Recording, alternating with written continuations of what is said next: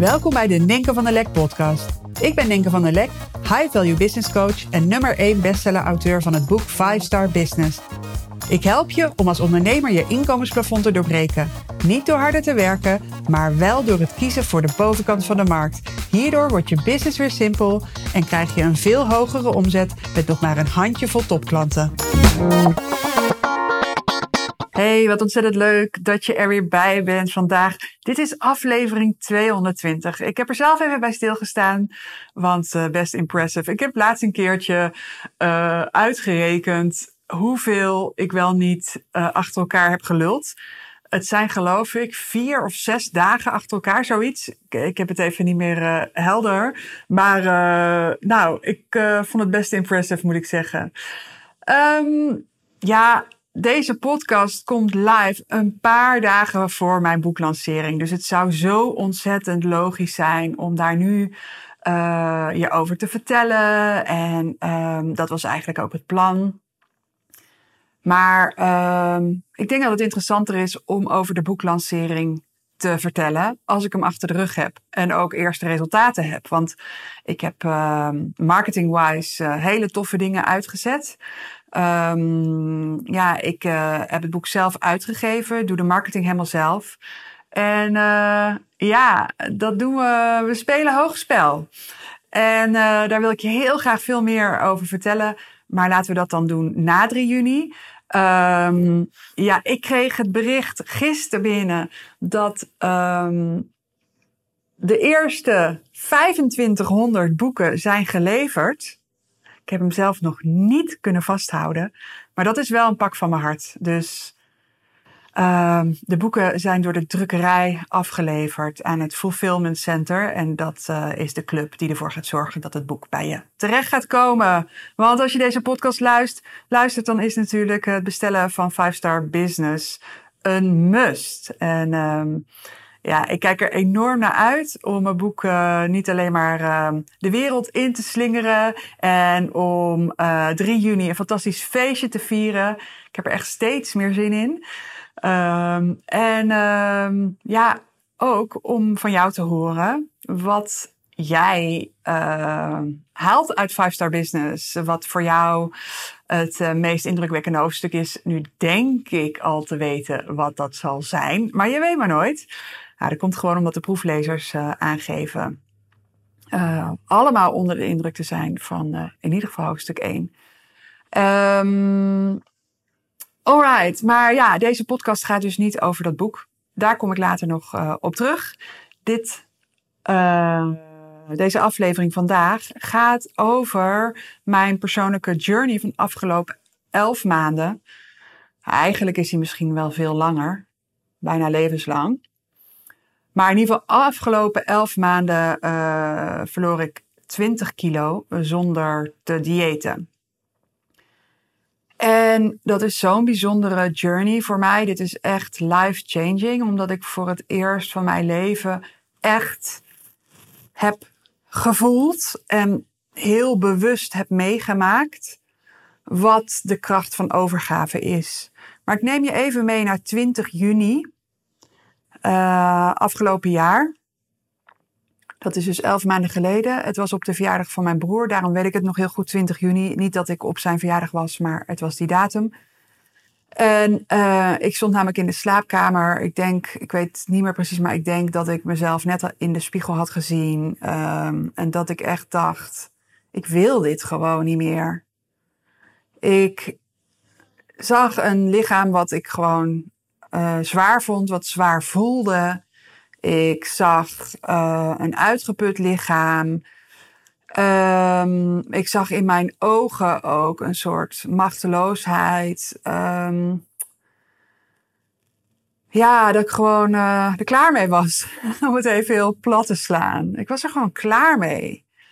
En waar was ik dan precies klaar mee? Dat is dat ik zoveel altijd al jarenlang deed om goed in mijn vel te zitten, om gezond te worden, om fit te zijn, energiek, dag in dag uit. Zoveel dingen om, ja, om uh, mijn gezondheid uh, te upgraden. En dat gewicht ging niet mee. Dus ik werd alleen maar zwaarder. En daar werd ik helemaal gek van. Um, ik had ook op de weegschaal gestaan. Ik was 104 kilo. En man, ik uh, moet even slikken dat ik dit ook in mijn podcast deel.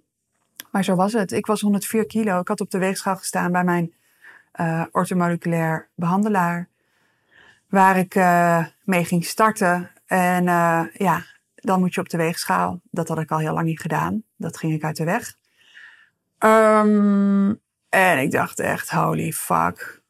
Zo zwaar was ik ook toen ik in verwachting was. Weet je wel, hoogzwanger. Dat vond ik toen ook al shocking. maar je merkt, ik vond er van alles van. Ik vond er van alles van. En ik wist gewoon van, ik wil, weet je, mijn doel is gewoon om gezond oud te worden. Dat klinkt echt heel cliché. Maar sinds twaalf jaar weet ik hoe klote het is als je ehm, gezondheid niet meewerkt. Um, twaalf jaar geleden ben ik gediagnosticeerd met de auto-immuunziekte, uh, ziekte van Hashimoto. Je hebt me er misschien in de podcast al vaker iets over horen zeggen. Ik vind het ook lastig om uit te spreken, ik heb de ziekte van Hashimoto, want dit raakt direct de kern van waar deze podcast over gaat.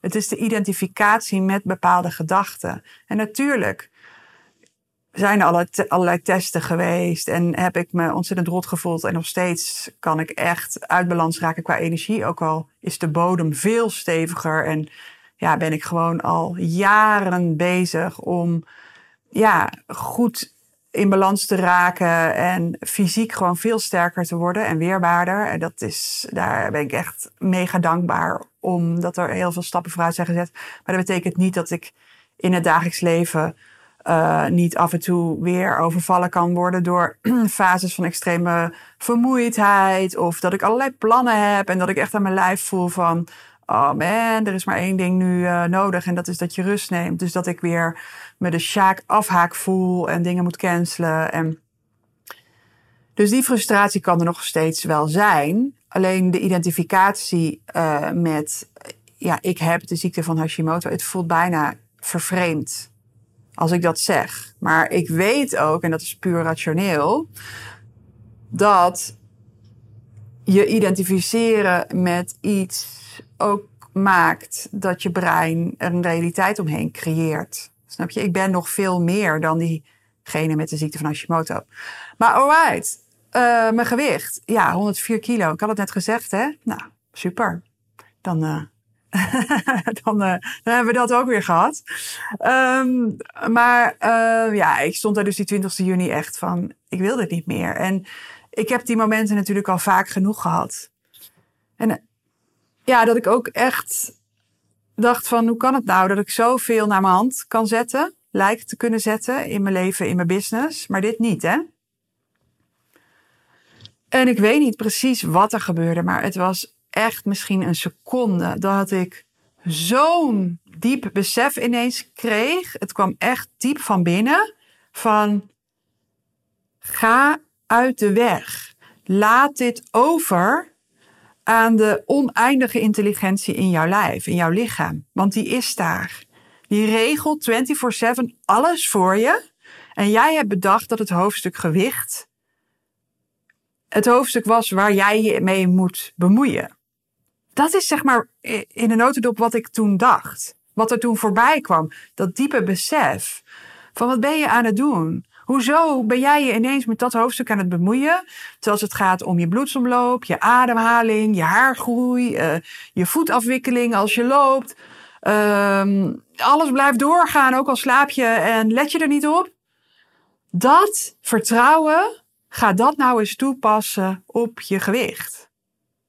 Ja, het was zo'n helder moment dat ik niet meer iets anders kon geloven of, of gaan doen. Het was dus een moment van extreme overgave en surrender.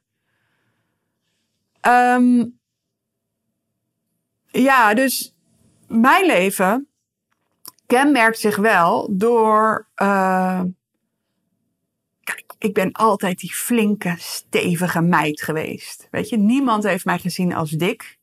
Dat weet ik, dat hoor, dat hoor ik mensen zeggen. Maar ik heb mijn hele leven lang gevoeld dat ik laveerde tussen... Oeh, Nien, niet te veel afvallen, hè? En oeh, Nien, niet te veel eten, hoor. Zo is wel genoeg. Dat. Van jongs af aan hoorde ik en geloofde ik... Ik moet opletten, want anders gaat het verkeerd. Ik heb een beetje pech. Ik ben niet zo'n geluksvogel als mijn broer, die kan eten wat hij wil en niks aankomt. Dat, van jongs af aan, is dat het verhaal wat ik heb geloofd. Ik heb mensen dingen tegen me horen zeggen erover. Um, ja, ik heb mezelf vergeleken met vriendinnen. En ik heb altijd het gevoel gehad van, wow, ik ben te zwaar, maar alright, dat hoort nou eenmaal bij me. Maar ik moet wel iets onder controle houden. Ik ben op een gegeven moment, ik denk vanaf mijn 17e, 18e gaan diëten. Met regelmaat, elke paar jaar probeerde ik een dieet en dan viel ik bijvoorbeeld wel 8 of 12 kilo af. Maar tijdens dat diëten voelde ik al van, oh oh, als ik dit maar volhoud. Dus daar zat heel veel wilskracht op, maar ook wantrouwen. Als ik dit maar voor, volhoud, weet je, daar zat spanning op. Uh, maar als ik dan afviel, dan hoorde ik wel van familie of uh, ja, van uh, mensen om me heen van, oeh, maar niet te doorslaan, hè? Niet doorslaan. Dus wat er gebeurde is dat ik altijd het idee had dat ik, dat ik iets verkeerd deed. Te zwaar was niet goed, te licht was niet goed, afvallen was goed nieuws. Iedereen, ja, applaus, dat ziet er goed uit. Maar, kijk uit. En wat ik ook herken uit mijn jeugd en nou, afgelopen tientallen jaren is, ja, ik ben wel iemand die zich zeker ervoor kan doen dan ze is. Dus ja, dan maak ik me groot, dan maak ik me sterk. En dan laat ik me ook niet gebeuren dat ik me kwetsbaar voel over mijn gewicht. Dus dat heb ik ook heel lang weggedrukt en uh, verstopt. Dat is gewoon mijn manier om ermee om te gaan. Maar, maar natuurlijk wilde ik gewoon ja, of in ieder geval natuurlijk, wat ik wilde, het is niet per se natuurlijk, maar wat ik wilde is eigenlijk lichter zijn, slanker zijn. Ik had ook heel vaak in mijn hoofd een ander beeld van mezelf dan wat ik bijvoorbeeld op foto's zag. Ik dacht dat ik slanker was dan wat ik in realiteit was. Dus in mijn hoofd, ik weet dat het voor veel mensen omgekeerd was, maar ik was heel vaak wat ik in de spiegel zag, of mijn lijf zoals het voelde, of wat ik op de weegschaal zag, was anders dan wat ik in mijn hoofd had. En nou, toen, toen uh, Simon werd geboren, mijn jongste, die is nu 12. Daar heb ik ook al wel uh, een podcast over opgenomen. Uh, ja, toen voelde ik me heel slecht. Echt kloten. Echt aan de grond. Energy-wise. Ik had het nog nooit zo gevoeld. Vanochtend werd ik even getriggerd. Omdat mijn man zei, er wordt vanmiddag een gietijzeren pan bezorgd toen werd ik getriggerd omdat ik jarenlang gezegd heb: Oh man, ik heb het gevoel dat er een gietijzeren pan op mijn hoofd geklemd zit. Dus ik voelde echt weer even van: Oh nee, gietijzeren pan is echt, nee, daar wil ik nooit meer naar terug. Um, maar twaalf jaar geleden voelde ik me dus heel slecht. En uiteindelijk, uh, nou, in mijn boek kan je er ook, uh, ook over lezen. Uiteindelijk uh, zat ik bij de huisarts en die zag meteen naar mij van... oh, dit is, dit is je schildklier, dit is Hashimoto. Dat zie je vaker na zwangerschap of na geboorte. Dat dat opkomt. heel paffig gezicht, heel zwaar. ook niet afvallen door um, met borstvoeding. En nou, een heel traject achter de rug met ingesteld raken qua uh, medicatie. Heeft mij jaren geduurd voordat ik dacht, hè hè, nou, nou, nu lijkt het ergens een beetje op een balans. Hé, hey, ik heb vandaag de gietijzeren pan niet uh, om mijn hoofd geklemd gehad, dat. Um, maar um, ja, dan verwacht je op een gegeven moment dat je, dat je gewicht gaat verliezen na de bevalling en dat gebeurde eigenlijk niet. Ik ben aan mijn gezondheid gaan werken. Um, dus even de shortcut, want dat gaat over hoe ik met Hashimoto ben omgegaan. Maar um, nou, ik heb allerlei hulp ingeroepen. Um, hormoonspecialisten, ortomoleculair therapeuten, ortomoleculair artsen, zowel in Nederland als in uh, Amerika. En een van de dingen die ik rigoureus heb aangepast, omdat het ook zo'n sens maakte, naar mijn idee. Dat was mijn voeding. Dus al jaren eet ik gluten, lactose, soja vrij. En ja, dan zou je denken, dan val je af. En dat gebeurde niet. Dus ik ben in de loop van tijd zwaarder, zwaarder, zwaarder, zwaarder geworden. En um, ik heb tussendoor nog wel eens uh, een dieetje gedaan. Maar ik voelde ook van, diëten is niet mijn weg. Met Hashimoto moet ik niet ineens uh, koolhydraten gaan schrappen. Of ja, het voelde gewoon niet goed wat ik deed. Ik dacht, ik voelde wel een beetje van, als ik dit doe, dat is eigenlijk tegen mijn lijf. Ik wil wel afvallen, maar dit is tegen wat mijn lijf nodig heeft. Dus dat zijn dan van die diepe signalen die ik toch best wel een beetje negeerde. Um, maar goed, dus toen, die 20 juni, toen had ik dus zo'n heel diep innerlijk weten.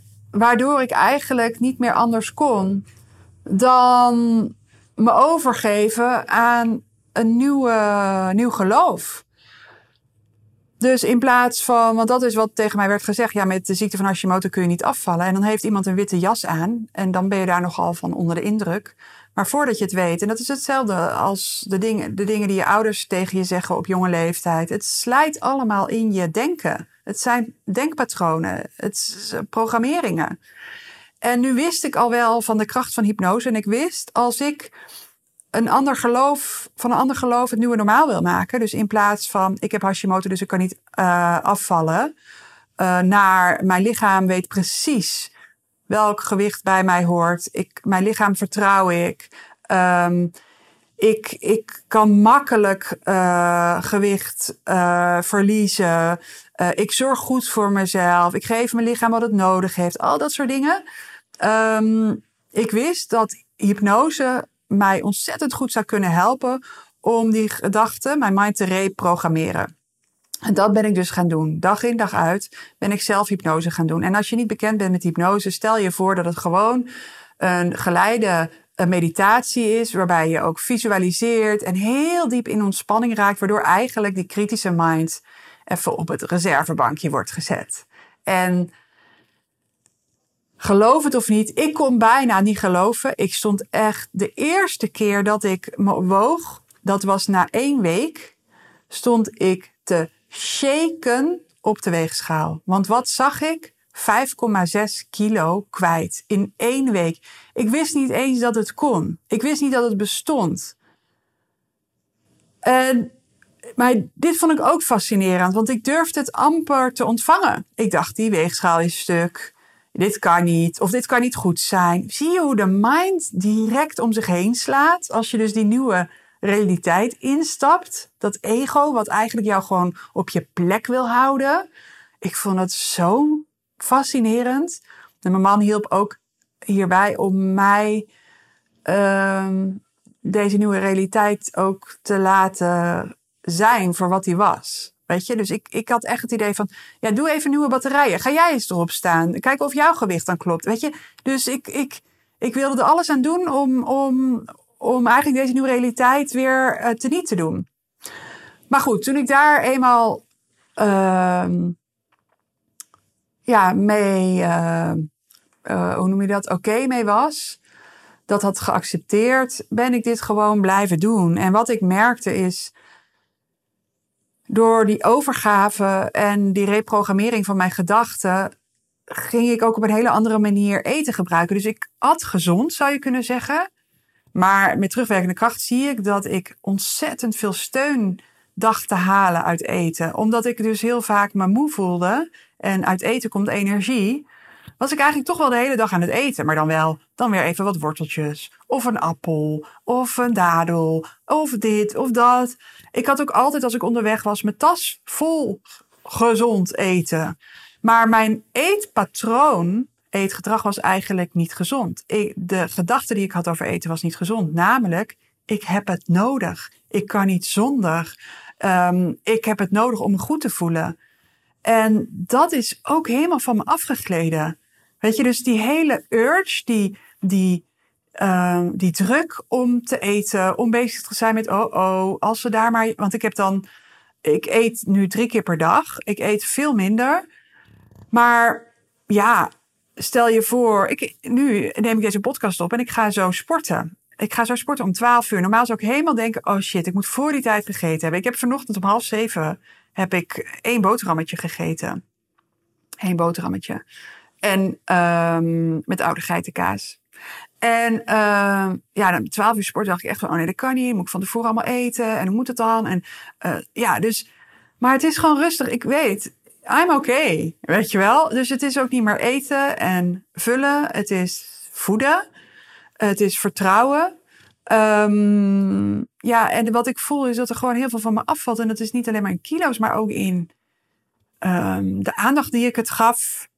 Um, uh, ja, het idee al dat je de hele tijd eten maar aan het verzamelen bent voor het geval dat. Weet je wel, dat zijn allemaal tekenen van wantrouwen. Um, voor mij is, was al, weet je, omdat ik die ziekte van Hashimoto gediagnosticeerd heb gekregen en me ontzettend kloten heb gevoeld, weet ik van, ja, als je gezond bent, dan heb je duizend dromen. En als je issues hebt met je gezondheid, dan heb je er maar één. En dat is lekker in je vel zitten. En voor mij is het echt jarenlang de droom geweest om gewoon een dag me steady te voelen in energie.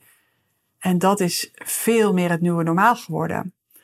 Uh, maar met die zelfhypnose alleen, ja, dat heeft dus heel veel gedragsverandering um, teweeggebracht. Waardoor het voor mij heel makkelijk is, of veel makkelijker, om. Oh, daar ging mijn microfoontje. Ik speld hem weer even op. Veel makkelijker is geworden om um, voorrang te geven aan wat goed is voor mij en mijn lijf. Um, dus gezondheid op één, mijn lifestyle is daar ja, helemaal op aangepast. Ik heb heel veel aandacht voor genoeg slaap en diepe slaap, voor eten, voor bewegen. En sporten met mijn personal trainer, maar op een manier die heel goed is voor mij. Waar ik vroeger dus grenzen over ging en heel streberig was. Ja, ik heb er nu meer plezier in. En ik kan nog steeds wel af en toe even lekker beuken, maar we houden balans. En we doen dat alleen maar als ik me echt goed voel. Als die energie er ook is, zeg maar. Uh, meditatie, uh, maar ook heel veel lekker naar buiten. Met Lena buiten naar buiten lopen. En bijvoorbeeld van huis naar kantoor. Zo 40 minuutjes lopen. Dat doe ik steeds vaker. En dat ik gewoon Lena. Vroeger pakte ik dan auto. Dan dacht ik, ja, Lena moet mee naar kantoor. Maar nu lopen we gewoon. Weet je, en die dingen zijn zo normaal geworden. Als ik ze niet doe, dan mis ik ze. Dan heb ik echt het idee van: hé, hey, mijn lijf vraagt er gewoon om. En ja, luisteren naar mijn lijf, dat is misschien nog wel de grootste verandering. Dat voorheen gaf mijn lichaam natuurlijk ook al al die signalen. Alleen ik zat er overheen te tetteren. Weet je wel, ik luisterde er niet naar. En nu, als ik aan het eten ben, weet je, vroeger zou ik denken van, oh ja, dat is zo lekker. En um, oh, er zit nog wat in de pan, ik eet het even op of zo. Hè? Of uh, ja, uh, ik ben nu aan het lunchen en ik weet vanavond uh, ga ik uit eten. En dat is pas om half acht. Nou, laat ik nu maar extra eten, dat soort dingen. Mijn lichaam zegt gewoon, stel je voor dat ik dat van plan ben om meer te eten, terwijl ik eigenlijk al verzadigd ben, dan zegt mijn lichaam echt zo, no way. en dan bij wijze van spreken steek ik mijn hand uit naar die pan. En zo, nee! Alsof het signaal echt zoveel sterker is van binnenuit. En ik niet anders kan dan daar gewoon gehoor aan geven. En dat is geen strijd. Dat is gewoon helemaal zacht en oké. Dus ja, dit is mijn journey. Dit is mijn journey. En voor mij betekent dit zoveel meer dan 20 kilo afvallen. Voor mij betekent dit gewoon de ervaring, diepe ervaring van dat het leven het beste met je voor heeft. Dat we ons heel vaak bemoeien met dingen waar we helemaal geen verstand van hebben. Denk het beter te weten, maar dat is een deel van ons. Dat is het ego. Maar dat je echt door je over te geven, door los te laten, je mee kan laten voeren. En dat je dan ontdekt wat het leven voor jou in petto heeft. Ja, ik dacht echt dat dit niet kon. Dat dacht ik. Maar we don't know what we don't know. Dus ja, ik hoop je hiermee uh, te hebben geïnspireerd om op jouw manier um, ja, te gaan voelen van waar houd je vast en En weet je eigenlijk, als ik los zou laten, dan ligt daar voor mij ook een nieuwe realiteit, hoe die er ook uit gaat zien. Uh, kan ook niet zeggen van ga dit doen en dan gaat dit bij jou ook zo lopen. Maar ik denk dat je erop mag vertrouwen dat als mijn verhaal bij je resoneert, of misschien delen van dit verhaal, dat je het mag zien als een uitnodiging. Hey, fijn dat je luisterde. Ik, uh, ja, ik ga zo uh, naar mijn personal trainer. En uh, dat is ook helemaal oké. Het is uh, niet geweldig. Het is ook niet stom. Het is neutraal. En dat is eigenlijk wat eten ook voor mij geworden is. Oh ja, heel klein dingetje. Ik drink eigenlijk helemaal geen alcohol meer. Er zit ook een soort, zit helemaal geen moeten op, geen wilskracht, geen, oh ja, ik mag het niet, helemaal niks van dat. Maar het gebeurt gewoon. Het gebeurt gewoon. Afgelopen zondag ging ik met twee vriendinnen lunchen. We hebben een soort traditie. Als een van ons jarig is, dan nemen de andere twee uh, ons mee uit eten. Naar een mooie tent, waar we dan lekker gaan lunchen. Zij lekker aan de witte wijntjes. Had ik altijd ook gedaan. Zeker wel twee wijntjes.